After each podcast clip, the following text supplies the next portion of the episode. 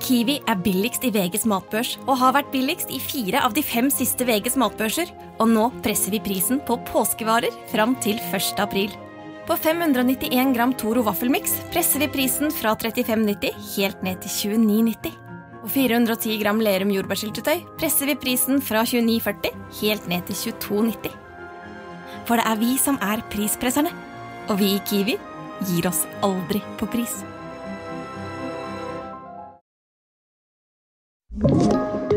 Podkast fra Podplay. Denne episoden kan være skremmende for enkelte lyttere. Om du er yngre eller sensitiv, bør du lytte til episoden med en voksen du stoler på, eller skru av.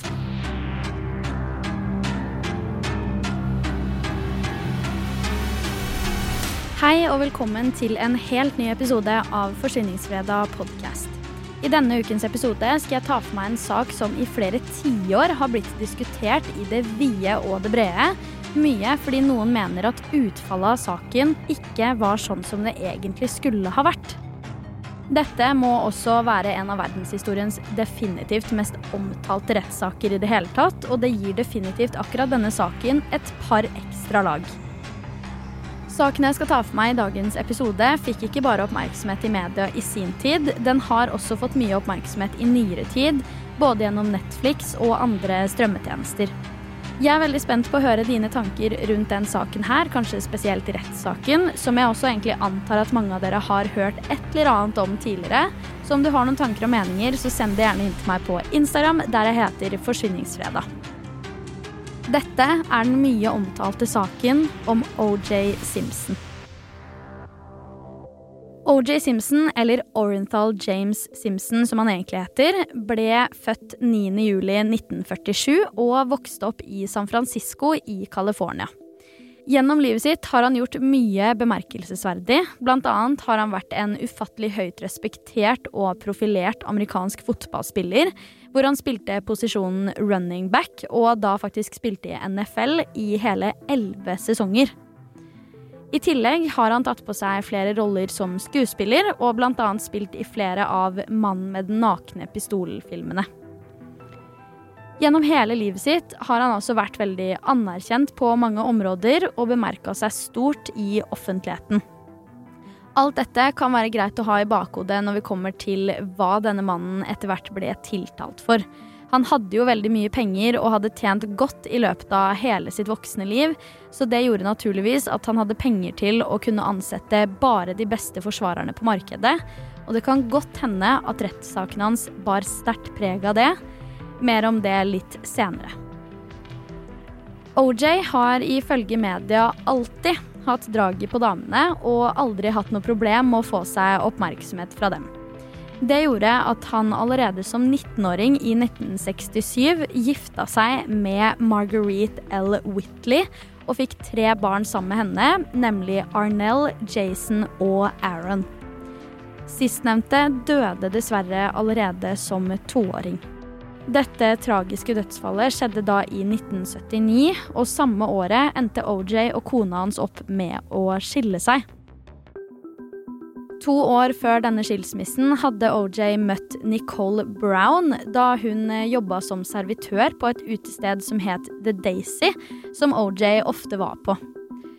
Noen kilder skal ha det til at selv om OJ var gift på dette tidspunktet, så begynte han allerede i 1977 å date og møte Nicole, og at det var utroskapen med henne som var årsaken til skilsmissen i 79. OJ legger opp sin profesjonelle fotballkarriere i 1980, og fem år senere gifter han seg med Nicole Brown, som også tar hans etternavn den 2. februar 1985. Sammen fikk de to barn, nemlig Sydney Brooke og Justin Ryan, født i henholdsvis 1985 og 1988. Gjennom ekteskapet mellom OJ og Nicole gikk det noen rykter om vold i hjemmet, altså at OJ var voldelig mot Nicole. Politiet hadde mottatt flere telefoner fra adressen i løpet av en periode som da omhandla nettopp dette, og som til slutt endte opp med en rettssak i 1989, der OJ blir pågrepet for det her. I rettssaken erkjenner OJ det som heter no contest, som i bunn og grunn betyr at han aksepterer straff, men at han ikke erkjenner skyld. I 1992 søker da Nicole Brown om skilsmisse. Dette var da på grunnlag av alt som hadde skjedd på hjemmebane med vold i hjemmet. Det finnes også en 911-samtale der ute, hvor Nicole ringer til politisentralen og forteller at OJ er på vei til henne. Dette er antageligvis fra tiden etter skilsmissen, men nøyaktig tidspunkt for denne samtalen er vanskelig å si. Men det antas uansett at samtalen skjer kort tid før ugjerningene OJ etter hvert blir sikta for. Du kan høre et lite utdrag av 911-samtalen Nicole hadde med politiet her. 911 emergency Can you get someone over here now to 325 Gretna Green? He's back. Please. Well, okay, what does he look like? He's O.J. Simpson. I think you know his record. Could you just send somebody Okay. over here? Okay, what is he doing there? He just drove up again. He just drove somebody up. over? Okay, wait a minute. What kind of car is he in? He's in a white Bronco, but first of all, he broke the back door down to get in. Okay, wait a minute. What's your name? Nicole Simpson. What is he doing? Is he threatening you, or is he just harassing you? You're going to hear him in a minute. He's about to come in again. Okay, just stay on the line. I don't want to stay on the line. He's going to beat the shit. Wait a minute. Wait, just stay on the line so we can know what's going on until the police get there. Okay? Just a moment. Does he have any weapons? I don't know. La meg gi deg en liten tidslinje over hva som faktisk skjedde den aktuelle kvelden. Vi skal til 12. juni 1994. Det er ca. klokka halv sju på kvelden denne dagen at Nicole Brown drar på en restaurant for å spise middag med barna sine og noen andre, bl.a. Nicoles mor. Rundt klokka kvart over ni denne kvelden så ringer moren til Nicole til restauranten de hadde spist på, og forteller at hun hadde klart å glemme igjen brillene sine på restauranten, og da resulterer det i at Nicoles venn, nemlig Ronald Goldman, drar til restauranten for å plukke opp disse brillene kort tid etterpå. Mellom klokka ni og halv ti den samme kvelden drar OJ Simpson og Cato Kalin til McDonald's av alle ting, og kommer hjem igjen rundt klokka kvart på ti denne kvelden. I denne perioden bodde visst Cato hos OJ i gjestehuset hans, så det var visst derfor de hang så mye i den gitte perioden.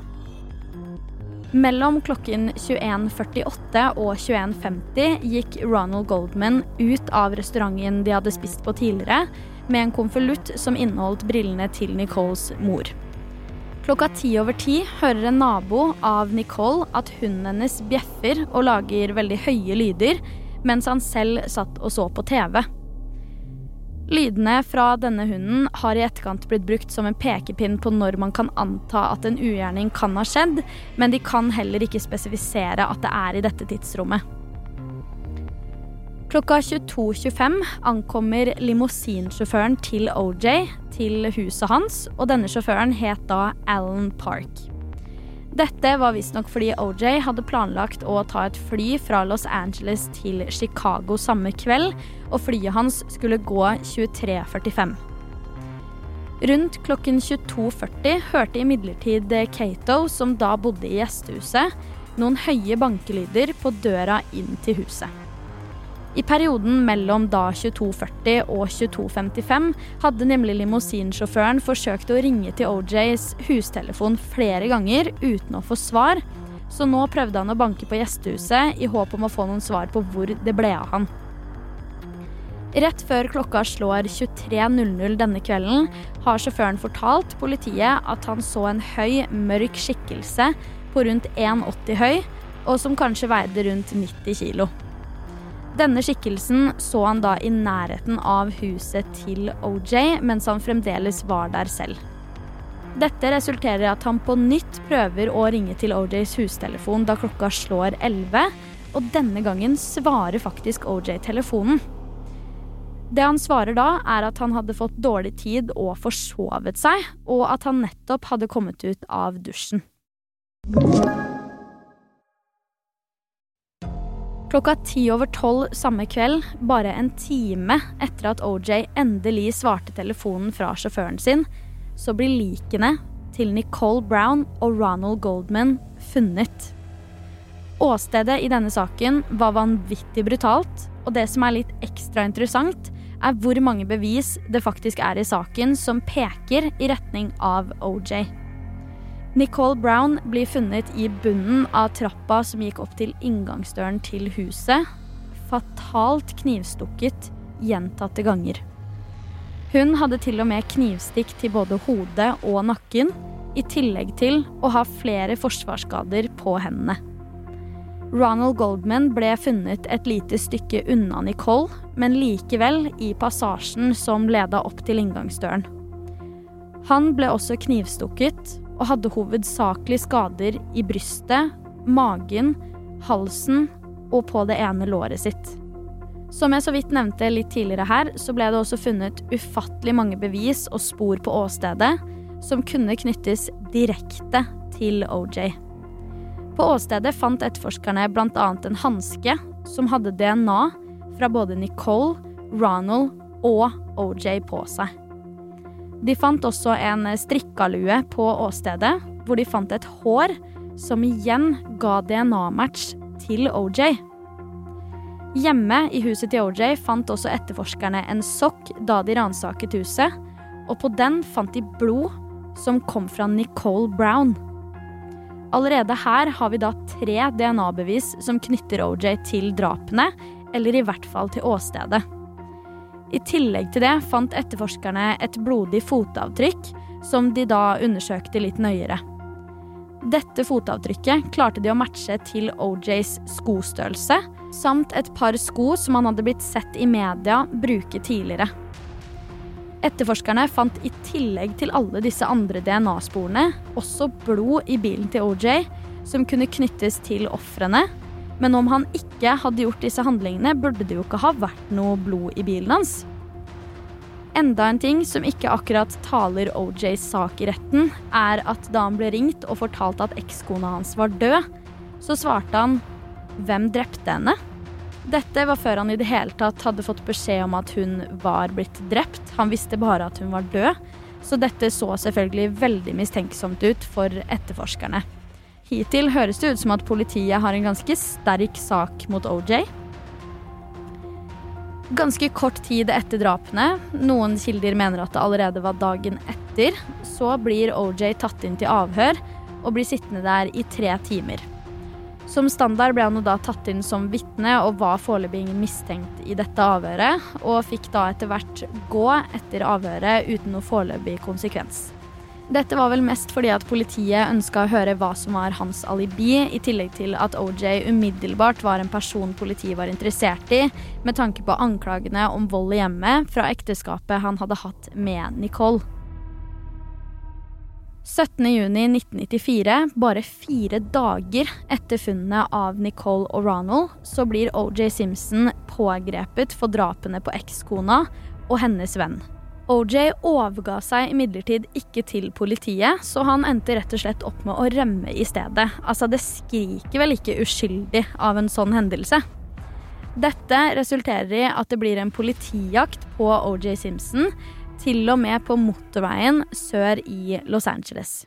Det her er jo sånt man omtrent bare ser på film, men det her skjedde virkelig, og er kanskje et av de mest kjente øyeblikkene fra denne saken. Det er nok flere av dere som husker disse bildene fra denne jakten, hvor du ser en hvit Ford Bronco helt fremst, og med et helt hav av politibiler bak. Om du ikke har sett det, så har jeg lagt ut bilde av det på Instagram-profilen min der jeg heter Forsyningsfredag. Jeg anbefaler deg å se det, fordi det ser jo helt sjukt ut. Det skal sies at OJ ikke selv kjørte denne bilen. Han hadde nemlig fått med seg en kompis som da var hans tidligere lagkamerat, nemlig Al Collings. Han har senere uttalt at han ikke turte å stoppe bilen, rett og slett fordi OJ visstnok skal ha sittet i baksetet med en pistol til hodet og trua med å skyte seg selv dersom han stoppa. Senere ble det faktisk også funnet et eh, selvmordsbrev hjemme hos OJ, så det ble åpenbart for både etterforskerne og alle andre at han i denne perioden var veldig suicidal. Etter hvert fikk jo selvfølgelig politiet tak i OJ og fikk tatt han med inn til politistasjonen for videre avhør og lignende. Bevisene mot han var jo så ufattelig tydelige og åpenbare, så det tok ikke lang tid før også rettssaken var i gang. Denne rettssaken markerer seg vel til dags dato som en av de desidert største rettssakene på verdensbasis, og er nok en av de rettssakene man ser tilbake på nå og lurer på hva i all verden det egentlig var som skjedde der. La meg utdype litt mer om hva som faktisk foregikk i denne rettssaken. La oss bare si at den ble et mediesirkus uten like. Det handla nesten mer om å bruke mediene riktig og fortelle en god historie som folk kunne og ville tro på. Det vi dessverre så veldig tydelig i denne saken, var at de håndfaste bevisene etter hvert hadde så liten betydning at de omtrent ble glemt, noe som i seg selv er helt sykt, tatt i betraktning at det faktisk var en egen jury som satt i denne saken og skulle bedømme. Det aller største argumentet forsvaret til OJ brukte i rettssaken, var at DNA-bevisene på åstedet måtte ha blitt planta der. For hvorfor skulle en gjerningsperson lagt igjen så mange bevis på et åsted? Jeg tror jo egentlig at alle som ser denne saken i retrospekt, skjønner at det egentlig ikke stemmer, men det ble faktisk brukt veldig mye i rettssaken, og tydeligvis så trodde både offentligheten og juryen på dette her også. Så hvem var det egentlig som var teamet til OJ Simpson i retten? Hovedsakelig besto teamet hans med forsvarsadvokater av Johnny Cochran, Robert Shapiro og til slutt Robert Kardashian, som faktisk er eksmannen til Chris Jenner. På den andre siden hadde vi Marsha Clark og Francis Lee Bailey jr., som skulle gjøre det de kunne for å legge frem bevisene for at OJ faktisk var skyldig i å ha begått drapene på Nicole Brown og Ronald Goldman. Et bevis som ble lagt frem i OJ Simpson-saken, og som har fått vanvittig stor oppmerksomhet både i sin tid og i ettertid, er dette med hanskene som ble funnet, da den ene på åstedet og den andre på adressa til OJ i Rockingham. I rettssaken hadde LAPD kalt inn noen på teppet fra Bloomingdales som kunne bekrefte hvor hansken ble kjøpt, og også at de to hanskene hørte sammen. Igjen enda en ting som knytter OJ til åstedet og til handlingene. Enda en ting som bekrefter det, er denne samme ansatte hos Bloomingdales som har funnet en kvittering på at akkurat disse hanskene ble kjøpt av Nicole Brown. Det finnes en video på YouTube der man kan se OJ faktisk prøve på disse hanskene i rettssaken, og man kan se at han tilsynelatende i hvert fall sliter med å få dem på. Her skal du også få høre et lite utdrag av hva Johnny Cochran, altså en av forsvarerne til OJ, hadde å si til juryen i sluttargumentene i rettssaken. I was thinking last night about this case and their theory and how it didn't make any sense and how it didn't fit and how something is wrong. And it occurred to me how they were going to come here and stand up here and tell you how O.J. Simpson was going to disguise himself. Was going to put on a knit cap and some dark clothes and he was going to get in his white Bronco and this recognizable person and go over and kill his wife. That's how silly their argument is. If I put this knit cap on, who am I? I'm still Johnny Cochran with a knit cap. It's no disguise. It makes no sense. It doesn't fit. If it doesn't fit, you must acquit. If the glove doesn't fit, you must acquit, sier han i rettssaken. Og med det mente han at siden hansken ikke passa, så måtte de frifinne OJ. I hvert fall mente han det selv. Frifunnet ble han også, og juryen havna utrolig nok på at OJ var uskyldig, til tross for alle de tekniske bevisene som knytta OJ til både åstedet og handlingene. Han hadde jo også en voldelig fortid og et ekteskap som gikk i vasken pga. det. Gjorde det at han hadde et motiv også? I kjølvannet av rettssaken og avslutningen av den, så kom det også en sivil rettssak med initiativ fra Goldman-familien. I denne rettssaken blir OJ faktisk enstemmig funnet skyldig i den urettmessige døden til Nicole og Ronald, samt vold utført mot dem begge. Totalt ble OJ dømt til å betale 33,5 millioner dollar i erstatning. I 1999 ble det også lagt ut en auksjon for noen av OJs eiendeler, bl.a. et av hans veldig gjeve trofeer, og pengene samlet inn fra dette på nesten 500 000 dollar gikk til Ronald Goldman sin familie. I etterkant av denne rettssaken har det likevel blitt bred diskusjon rundt hvorvidt OJ faktisk var skyldig eller ikke. Altså, Det er vanskelig å benekte DNA-bevis som så tydelig knytter en person til en ugjerning. Og Derfor er det kanskje litt ekstra frustrerende å oppleve at rettssaken ble såpass skeiv og rar og et så stort mediesirkus som den endte opp med å bli. Hadde mediesirkuset rundt saken noe å si for utfallet og presset juryen egentlig var under? Jeg er som alltid veldig interessert i å høre dine tanker og meninger rundt det her, så send det gjerne inn til meg på Instagram, der jeg heter Forsvinningsfredag. Der inne finner du også litt mer ekstramateriale til enkelte av episodene, denne episoden inkludert. Du har hørt Forsvinningsfredag podkast med meg, Sara Høydahl. Tusen takk for at du har lytta til episoden. Jeg er tilbake med en helt ny en allerede neste fredag. Og i mellomtiden, ta vare på deg selv.